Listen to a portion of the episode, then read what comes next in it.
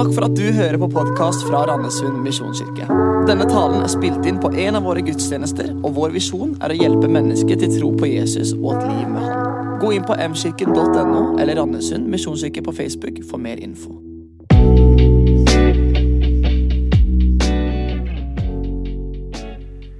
La meg aller først få lov til å ønske dere alle sammen et riktig godt nytt år. Det er deilig å starte på et nytt år, altså. Med nye, blanke dager foran oss som vi kan fylle. Jeg håper du har hatt en god start på dette nye året. Min start var vel bare sånn passe, tror jeg. Jeg følte jeg svevde inn i det nye året på en influensa- eller koronatåke på et eller annet vis. Det var litt tåkete. Men, eh, og det tror jeg var en skjebne jeg delte med halve Norge. Men nå går det heldigvis bra. Det er ikke sikkert du har fått det med deg, men i dette året her, 2023, så har vi valgt å definere det som bibelåret i vår menighet. Bibelåret 2023. Og vi ønsker gjennom dette året på en helt spesiell måte å ha et fokus på Bibelen, på bibellesning, på bibelstudiet. Og vi kommer til å aktualisere det på mange måter gjennom hele dette året. her. Så kommer det til å være noe av det som vi fokuserer på. Så hva er det vi utfordrer til? Jo, vi sier at om det er lenge siden du har lest i Bibelen regelmessig, så kan kanskje dette være året hvor du på en måte starter den gode vanen å lese Bibelen regelmessig. Gjerne hver dag. Og hvis det er en sånn det er lenge siden du egentlig gjorde det, men du gjorde det en gang, så kan du jo starte den vanen opp igjen.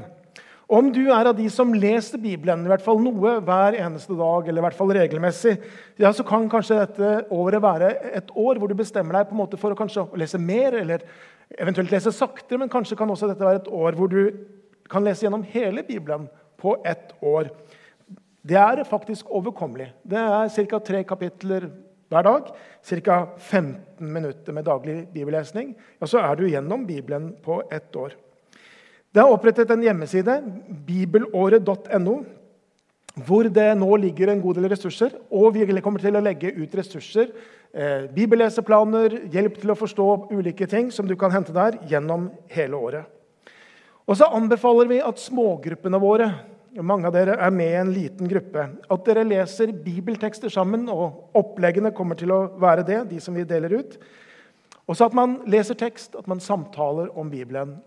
Eh, på en kanskje en ny måte, eller i hvert fall en fornyet måte. Er du ikke med i en liten gruppe, smågruppe, ja, så send en mail eller ta kontakt, så vil vi hjelpe å finne en til deg. Så er det sånn at Også i barne- og ungdomsarbeidet vårt så kommer dette med Bibelen det kommer til å være noe vi setter fokus på i hele menigheten. Og det vil også prege disse arbeidene. Og hvis du har barn som bor hjemme og som går i denne menigheten, så kan kanskje dette året det at vi på en måte setter det litt sånn på kartet, være en god anledning til å si skal vi lese Bibelen sammen av og til eller noe i løpet av en dag eller en uke. Og Så er spørsmålet vil du være med på det. Har du lyst til det? Til å liksom ta en utfordring og enten begynne å lese eller gå litt dypere? Ja, det håper vi at du vil, og vi håper at dette kan være et bibelår ikke bare for menigheten, men for den enkelte av oss. Og som dere så, så var det, eller i hvert fall kanskje du kunne se, så var det et bokbord ute i foajeen. En bibelbord. Der finnes det bibler du kan kjøpe, og det finnes også en god del ressursbøker som du kan kjøpe der ute. Så stans der og se om det er noe du vil ta med deg. Og Så starter vi opp denne, dette semesteret med en taleserie om Bibelen. Mer enn en bok, sånn som det har vært introdusert. Så håper jeg at også denne taleserien kan være med å kickstarte litt bibelåret 2023 for oss alle. Og I dag skal jeg ha et tema Bibelens autoritet. Og Jeg håper ikke at rullegardinen går ned og du tenker det blir veldig tungt. Det kan jo hende det blir det, men, men, det er i hvert fall noe jeg håper at du kan eh, høre oppmerksom på. For vi tror at nettopp dette temaet er viktig. For det er jo litt sånn, Hvis vi skal bry oss om å lese her, ja, så må det på en eller annen måte ha en betydning for oss.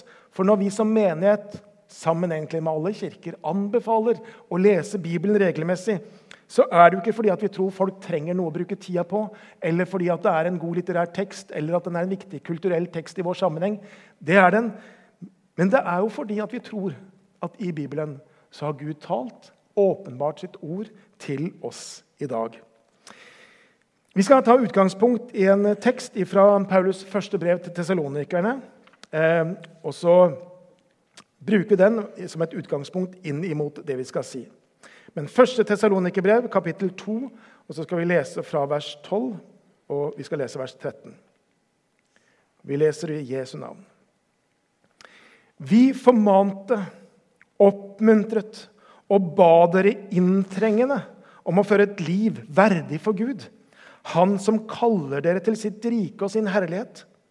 Derfor takker vi stadig Gud, for da dere fikk overlevert det Guds ord som vi forkynte for dere, tok dere imot det ikke som menneskeord, men som det Guds ord i sannhet er. Og dette ordet er virksomt i dere som tror. Vi skal lese vers 13 en gang til. Derfor takker vi stadig Gud, for da dere fikk overlevert det Guds ord som vi forkynte dere, tok dere imot det ikke som menneskeord, men som det Guds ord i sannhet er. Vi skal be. Himmelske Far, jeg takker deg for ditt ord, at vi har det iblant oss, at vi kan lese det, at vi kan studere det. Og så ber jeg Herre at du skal åpenbare ordet for oss, vi som sitter her. Takk for at du har gitt oss din ånd.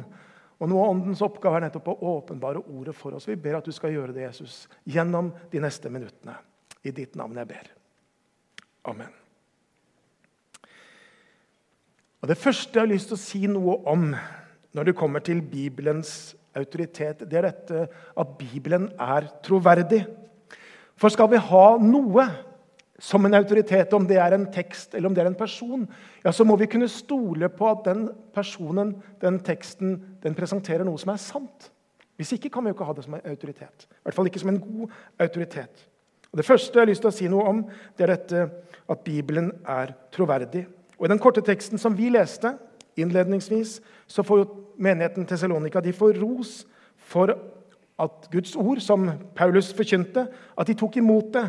Ikke som menneskeord, men som det Guds ord det, sann, eh, det i sannhet er. Og når det kommer til dette, på en måte, hva, hva, Hvordan skal vi forholde oss til denne boka? her? Hvordan skal vi forholde oss til Bibelen? Ja, Så koker det jo egentlig ned til det. Hva er det for noe? Er det menneskeord?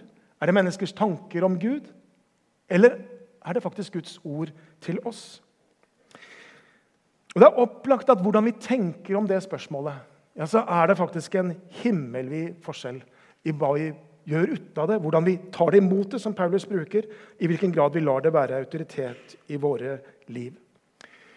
Jeg vokste opp i en kristen familie og alltid vært kristen, alltid gått i menighet. Men da jeg var på slutten av tenårene, begynnelsen av 20-årene, så var det ett spørsmål som jeg kjempet med. Det var et spørsmål som ofte dukket opp idet jeg skulle legge meg om kvelden, og som kunne holde meg våken i timevis. Og det var akkurat dette spørsmålet her. Hvordan kan jeg være helt sikker på at Bibelen faktisk er Guds ord? Og Så skjønte jeg tror jeg både sånn tankemessig, men også intuitivt at svaret på det spørsmålet er det Guds ord eller er det ikke, det ville få himmelvid forskjell for mitt liv. Mine valg, mine prioriteringer, mine holdninger, hva jeg på en måte, hvordan jeg innrette livet mitt på. Det ville være kjempeforskjell om det var det ene eller det andre.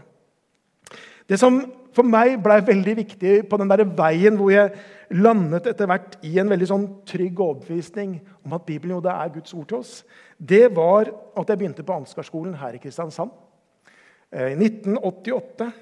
Og gjennom bibelstudier, gjennom teologi, gjennom kirkehistorie, gjennom historien, eller kunnskap om Bibelens tilblivelse, ja, så fikk jeg på en måte en kunnskapsbasert forståelse av denne boken som gjorde at jeg liksom kunne lande veldig trygt i det.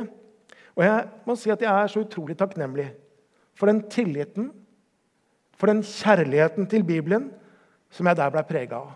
Det har preget meg siden og preger meg fortsatt. Og så Seinere har jeg lest ja, dusinvis av bøker om emnet. Eh, lest mange artikler, også sånn tunge forskningsmessig.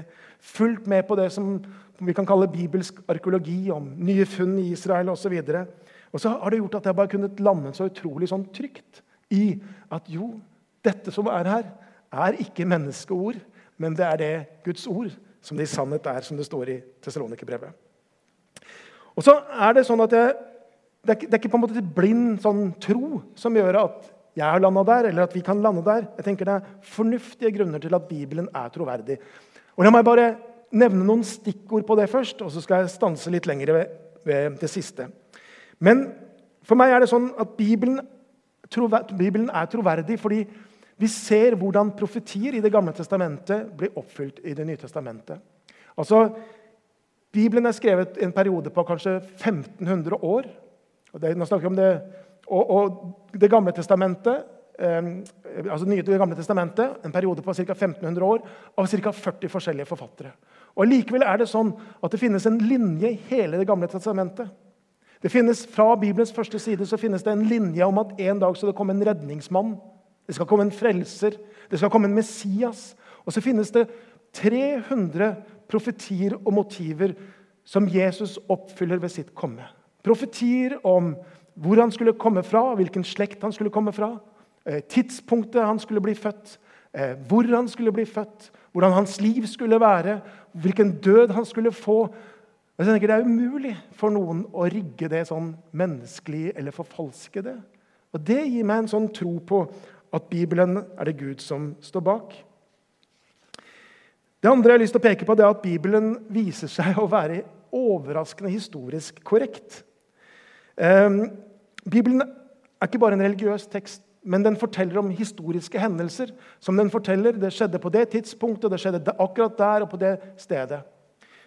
Det gjør jo at vi kan grave i jorda, og så kan man gjennom arkeologi finne spor av noen av disse hendelsene eller noen av disse personene osv. Og, og igjen og igjen de siste årene så ser vi hvordan bibelkritikere har feilet. Altså, når jeg studerte slutten av 80-tallet, begynnelsen av 90-tallet, så var det ganske mange teologer for eksempel, som sa det var en hel skoleretning, som sa at kong David er en myte.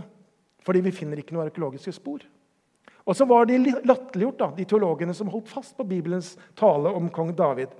Og så kunne man gjøre det helt fram til 1993, for da fant man en arkeologisk altså en inskripsjon i et sted som heter Tel Dan, hvor en arameisk konge skryter av at han har slått eller vunnet over Israels konge, som var av Davids hus. Og var det et Davids hus, ja, så har det vært en Davids konge. Så i dag er det jo ingen som setter spørsmålstegn ved Davids eksistens. Og Det er bare ett av de mange gangene hvor det viser seg at Bibelen hadde rett. Den er overraskende historisk korrekt. Det tredje jeg har lyst til å peke på, det er at Bibelen gir intellektuelle, holdbare svar på spørsmål som hvor kommer verden fra, eller hva er verden? Hva mennesket er? Hvor kommer vi fra? Hva skjer etter døden? Hva er årsak til lidelse? Og så, så går det an å være uenig i disse svarene som Bibelen gir. Men de svarene de gir, er holdbare intellektuelt. Og Det gjør at mennesker også i vår tid de går til Bibelen, de søker Bibelen, og de finner svar i Bibelen. Og jeg tenker at Det tror jeg er grunnen til at Bibelen er den boken som selger mest over hele verden, og har gjort det år etter år etter år. Bortsett fra i 2007. Da var det, da var det Harry Potter sin eh, bok som eh, var toppselger. Men bortsett, men neste år så var den nede igjen. Men bortsett fra det året så er det Bibelen som er den mestselgende boken. Og så kan man jo si at ja, Det er sikkert kirkene som pusher eh, bibler på folk. litt sånn som vi gjør i gangen etterpå nå. Men poenget er at Bibelen selger også godt i de stedene hvor myndigheter forsøker å begrense salg av bibler, f.eks. Kina. Som er, det land, som er det landet hvor det selges flest bibler for tiden. Skjønner du? Det finnes noe her som gjør at veldig mange mennesker sier ja, men der finner jeg mitt håp, der finner jeg svaret på hvem jeg er, der finner jeg meningen for livet, og ikke minst, der finner man Jesus. Og Det siste jeg bare har lyst til å si noe om, det er at vi kan ha tiltro til den Bibelen vi leser, den norske Bibelen, eller det som du leser, og at de tekstene som faktisk vi eh, har her, at de er ganske like, eller helt like de tekstene slik det ble skrevet. Og Der har faktisk moderne bibelvitenskap og moderne tekstkritikk hjulpet oss. Og Man har rekonstruert og vet veldig mye om hvordan de første tekstene var. Og så er det sånn at uh, De beste eksperter på dette området sier at ja, mellom 99,5 og 99,9% av teksten sånn som vi har den i dag, kan vi være helt sikre på er lik originalene for Det nye testamentet. Det betyr at når vi leser vår bibel, så kan vi stole på at det er sant, det som står her. Bibelen er troverdig. Men når det kommer til dette med Bibel og hvilken holdning vi skal ha til den boka, eller hvilket syn vi skal ha på det, så er det i hvert fall for meg én ting som er viktigere enn noe annet. Viktigere enn hva noen teologer sier, eller noen eh, autoritetspersoner sier. Viktigere enn mine følelser, viktigere enn hva jeg syns er passende eller upassende i forhold til vår kultur. Fordi jeg har en grunnleggende tro på Jesus Kristus, først og fremst. Jeg har en grunnleggende tro på at evangelieberetninger om Jesus at de er sanne og presenterer for oss hvem Jesus er, inkludert beretningen om hans død og hans oppstandelse. Og Det betyr at jeg tror at Jesus er den han sier at han er. Sant menneske, men også sann Gud. Og Det er din grunnleggende overbevisning i min tro. Og Det vil jeg jo tro at det er for de aller fleste kristne. Det er den grunnleggende overbevisningen om at Jesus er den han sier han er. Men det er også min grunnleggende overbevisning når det kommer til dette som har med Bibel og syn på Bibel å gjøre. Jeg ønsker med andre ord å ha det samme syn på Bibelen som Jesus hadde. Det er mitt enkle bibelsyn. og Det er det jeg har lyst til å si noe om. Jesu holdning til Bibelen, eller til Skriften, sånn som det uttrykket som brukes i Det nye testamentet. Det nye testamentet det var jo selvfølgelig ikke skrevet eh, når Jesus levde. Det kom jo til etter hans død og etter hans oppstandelse. Men det Bibelen, den Bibelen som han leste, det er jo det som vi i vår bibel kaller Det gamle testamentet. Og Den delen av vår bibel den kjente Jesus godt. Som jødisk gutt og som ung mann ja, så hadde han hørt timevis i synagogene av hvordan hvor Det gamle testamentet ble opplest. Og han kunne nok antageligvis ganske mye av det utenat slik som andre jødiske gutter kunne på denne tiden her. Og så ser vi noe om Jesu holdning til Skriften, både gjennom det Jesus sier om det, hvilken holdning han har, men også hvordan han bruker Skriften. og Det er det vi skal se på. Men bare en liten parentes. Jeg vet ikke om du har tenkt på det, men For meg er det sånn at når jeg åpner Det gamle testamentet, så leser jeg en tekst her, så tenker jeg vet du, Nøyaktig denne teksten den har Jesus lest. Nøyaktig dette har Jesus sittet og hørt i synagogen. Nøyaktig det som jeg leser, det var noe av det Jesus kunne og kjente til. Og det fyller meg både med en slags ærefrykt. skjønner du? At jeg kan sitte her 2000 år etterpå så kan jeg lese den samme teksten, og så gir det meg en sånn inspirasjon til faktisk å lese finne ut hva var det Jesus leste. Hva var det han kunne? Han kunne disse tekstene i Det gamle testamentet. Men jeg skal altså si noe om hva Jesus sier sjøl om Skriften eller om Det gamle testamentet. Det første verset, er et par vers jeg skal ta med meg. Det er mange vers hvor Jesus sier noe, men dette er et av de viktige. Fra Bergpreken i Matteus 5, vers 17-18. Jesus sier, 'Tro ikke at jeg er kommet for å oppheve loven eller profetene.' 'Jeg er ikke kommet for å oppheve, men for å oppfylle.' Sannelig, jeg sier dere, før himmel og jord forgår, skal ikke den minste bokstav eller en eneste prikk i loven forgå før alt er skjedd. Legger dere merke til her hvordan Jesus både bekrefter og på mange måter forsterker Det gamle testamentet? Tro ikke at jeg er kommet for å oppheve loven og profetene. Liksom Hvis noen satt der og tenkte jeg håper Jesus kommer til å liberalisere Det gamle testamentet eller, eller gjøre det ugyldig, ja, så gjør han ikke det. Han sier jeg er kommet for å oppfylle det. Og Når vi leser videre bergprekene, så ser vi at Jesus faktisk egentlig forsterker det. Han sier dere har hørt sagt, men jeg sier dere. Og så er det på en måte enda kraftigere det Jesus kom med. Så han bekrefter og forsterker Det gamle testamentet. Det andre han sier, det er at det har evig gyldighet. Det er tidløse ord. Guds ord står fast. Ikke en eneste prikk står det her. Husker du hva det sto før? En tøddel. Ikke en eneste tøddel skal få gå før himmel og jord forgår. Det, er først når tiden er over, på en måte, eller Det har varighet helt fram til det. Det er tidløst. Et annet sted, Johannes kapittel 10, så snakker Jesus om de som Guds ord kom til. Og Så fortsetter han og sier Skriften kan ikke settes ut av kraft. Og Det er noe av det samme. Jesus bruker, altså kaller Skriften for Guds ord. Ikke at det er noe her som er Guds ord, eller vi kan kanskje tenke oss at, at, det finnes et snev av Guds ord her, men Skriften er Guds ord. Det er det ene. Og det andre han sier av dette, at det står fast, det har varighet, det har autoritet, det har gyldighet også for han og i den tiden og for oss. Kan vi stole på at Bibelen er Guds ord og ikke bare menneskeord?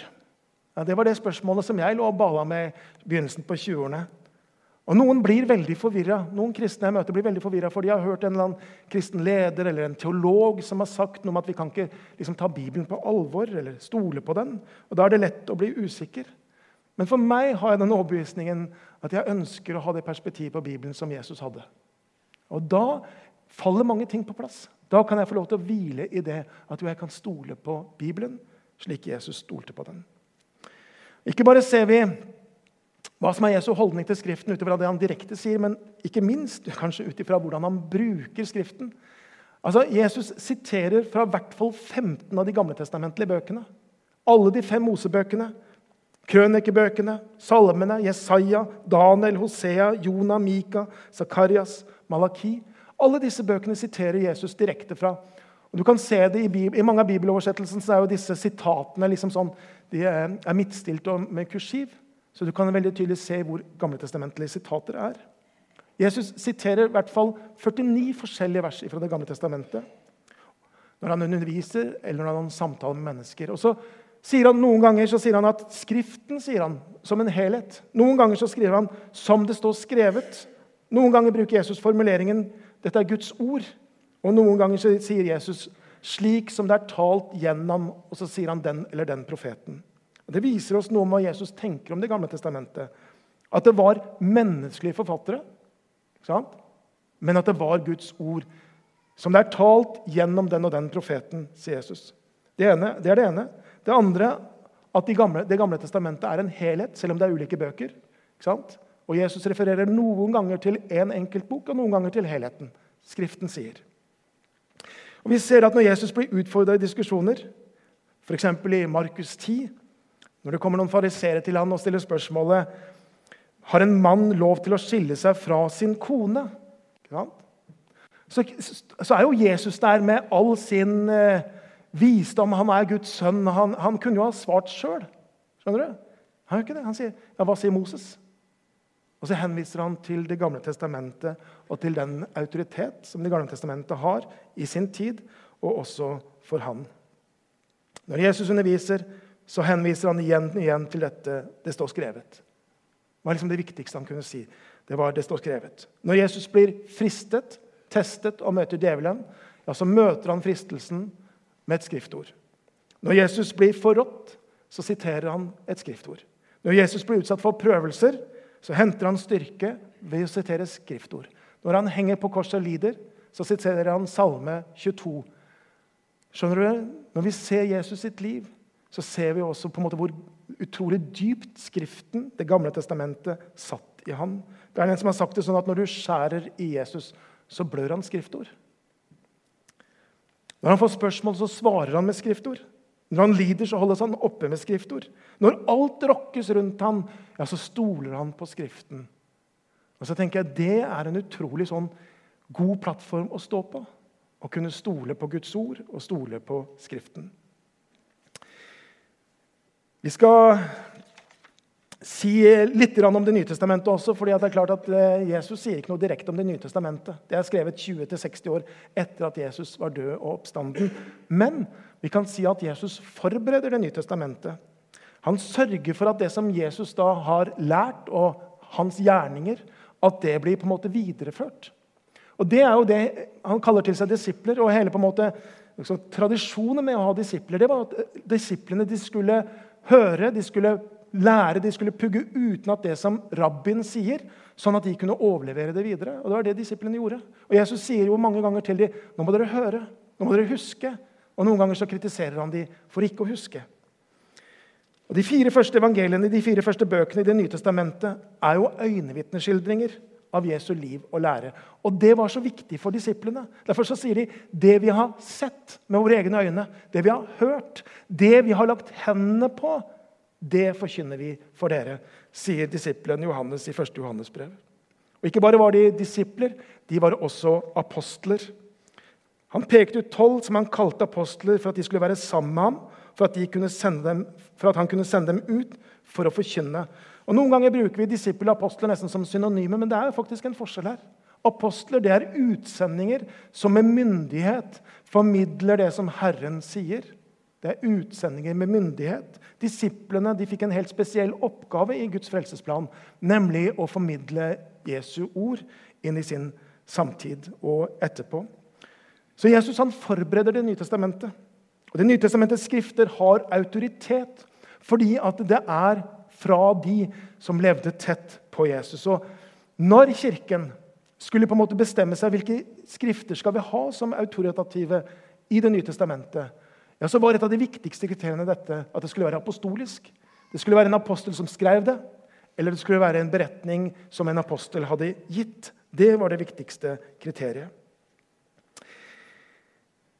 Mennesket er i sin natur grunnleggende religiøst. Og mennesket har alltid lurt på hvordan det er med det som er mellom himmel og jord, og hvordan er Gud og alt mulig sånn.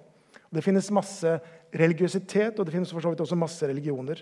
Men det som er unikt i Bibelen, det er jo at, at her har Gud kommet oss i møte med sitt ord i Det gamle testamentet, og særlig når Jesus kommer som Guds sønn, så kommer Gud oss i møte med Han som er Ordet, slik at vi ikke skal bygge vår tro på menneskelige spekulasjoner, men på Guds åpenbarte ord. Og Det er jo det som Paulus roser menigheten Salonik for.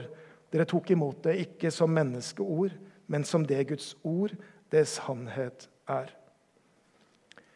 Om det er sånn at det ikke er menneskeord, men Guds ord, så er jo spørsmålet hvilke konsekvenser får det i mitt liv?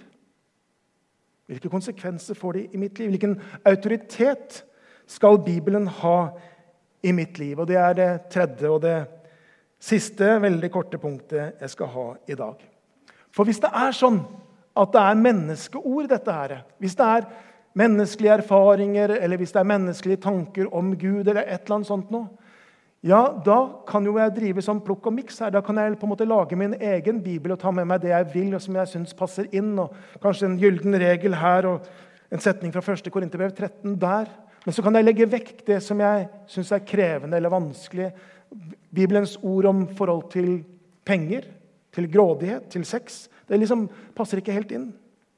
Hvis jeg tenker at her er det menneskeord, ja, da kan jeg si at jeg, jeg bestemmer meg for å kanskje lytte litt til Jesus, men Paulus han vil jeg ikke gi så mye oppmerksomhet. Som en teolog sa i en debatt for noen år siden vi må våge å si at Paulus tok feil. Men hvis det er sånn at dette faktisk er Guds åpenbarte ord inn i vår tid, inn i vår verden, ja, så blir det annerledes, gjør det ikke det? For da er det ikke opp til meg å finne ut av hva jeg skal ta med meg, og hva jeg ikke skal ta med meg. Da på en måte må jeg ha dette som står her. Så må vi forstå det rett men ha det som autoritet i mitt liv. Og Det kan være ting her som er vanskelig å forstå. Neste søndag skal vi snakke om det, om å forstå det en leser. Jeg kan ofte streve med det i eget liv og tenke at her kommer jeg til kort. Særlig Jesu ord i bergpreken syns jeg er veldig ja, Der er virkelig standarden høy. Hvordan, hva gjør jeg med det? Hvordan gjør jeg med det når Guds ord møter meg på en sånn måte? Jeg kan streve med å forklare, jeg kan streve med å formidle, men på en måte må jeg forholde meg til at dette her at det er Guds ord inn i vår verden i dag. I Misjonskirken har, har, vi ingen sånne nedfelte læreskrifter, men vi sier isteden Bibelen. Bibelen er menighetens eneste rettesnor for tro, liv og lære. Det står i våre statutter. Og det ønsker jeg at den skal være i mitt liv også. Jeg ønsker virkelig at dette skal være min eneste rettesnor for hva jeg tror på, for holdningene mine, for hvordan jeg lever og innretter livet mitt, og også hva jeg formidler. Og så er jeg pastor. og Det betyr at jeg underviser Guds ord. Eller underviser. Og, det, og Da er det ikke min synsing eller min undring eller mine spørsmål som, som, på en måte er mitt oppdrag, men det er faktisk å undervise Guds ord. Det er det som er mitt oppdrag. Og Det der er mitt ansvar å bære. Og det kjenner jeg på. Du skal vite at det kjenner jeg på hver eneste gang jeg forkynner at jeg faktisk må forkynne Guds ord. At jeg ikke på, måte, på noe som helst måte må forkludre eller fordekke. eller et eller annet. At man forkynner Guds ord. Og så har jo vi, når vi er tilhører, et ansvar. Og det er å teste det som undervises mot Bibelen. Skulle jeg eller noen andre forkynne noe som ikke stemmer her, ja, da må du følge Bibelen. Uten tvil. Det er det det handler om. Og så må vi alle tenke, tenke nøye gjennom hvilken autoritet skal jeg la Guds ord ha i mitt liv. Hvordan ser det der ut i mitt liv? Hvilken, hva betyr det at det er Guds ord, at det er Guds tale inn i våre liv? Og så tror jeg grunnleggende at den beste måten å leve livet på, det er å følge den anvisningen som vi har i Bibelen. Jeg tror der er det vi kan kjenne og kan leve under Guds velsignelse på en spesiell måte.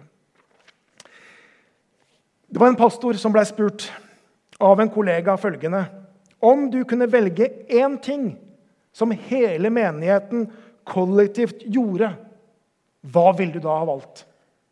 Og Han forteller at han tenkte seg om en stund.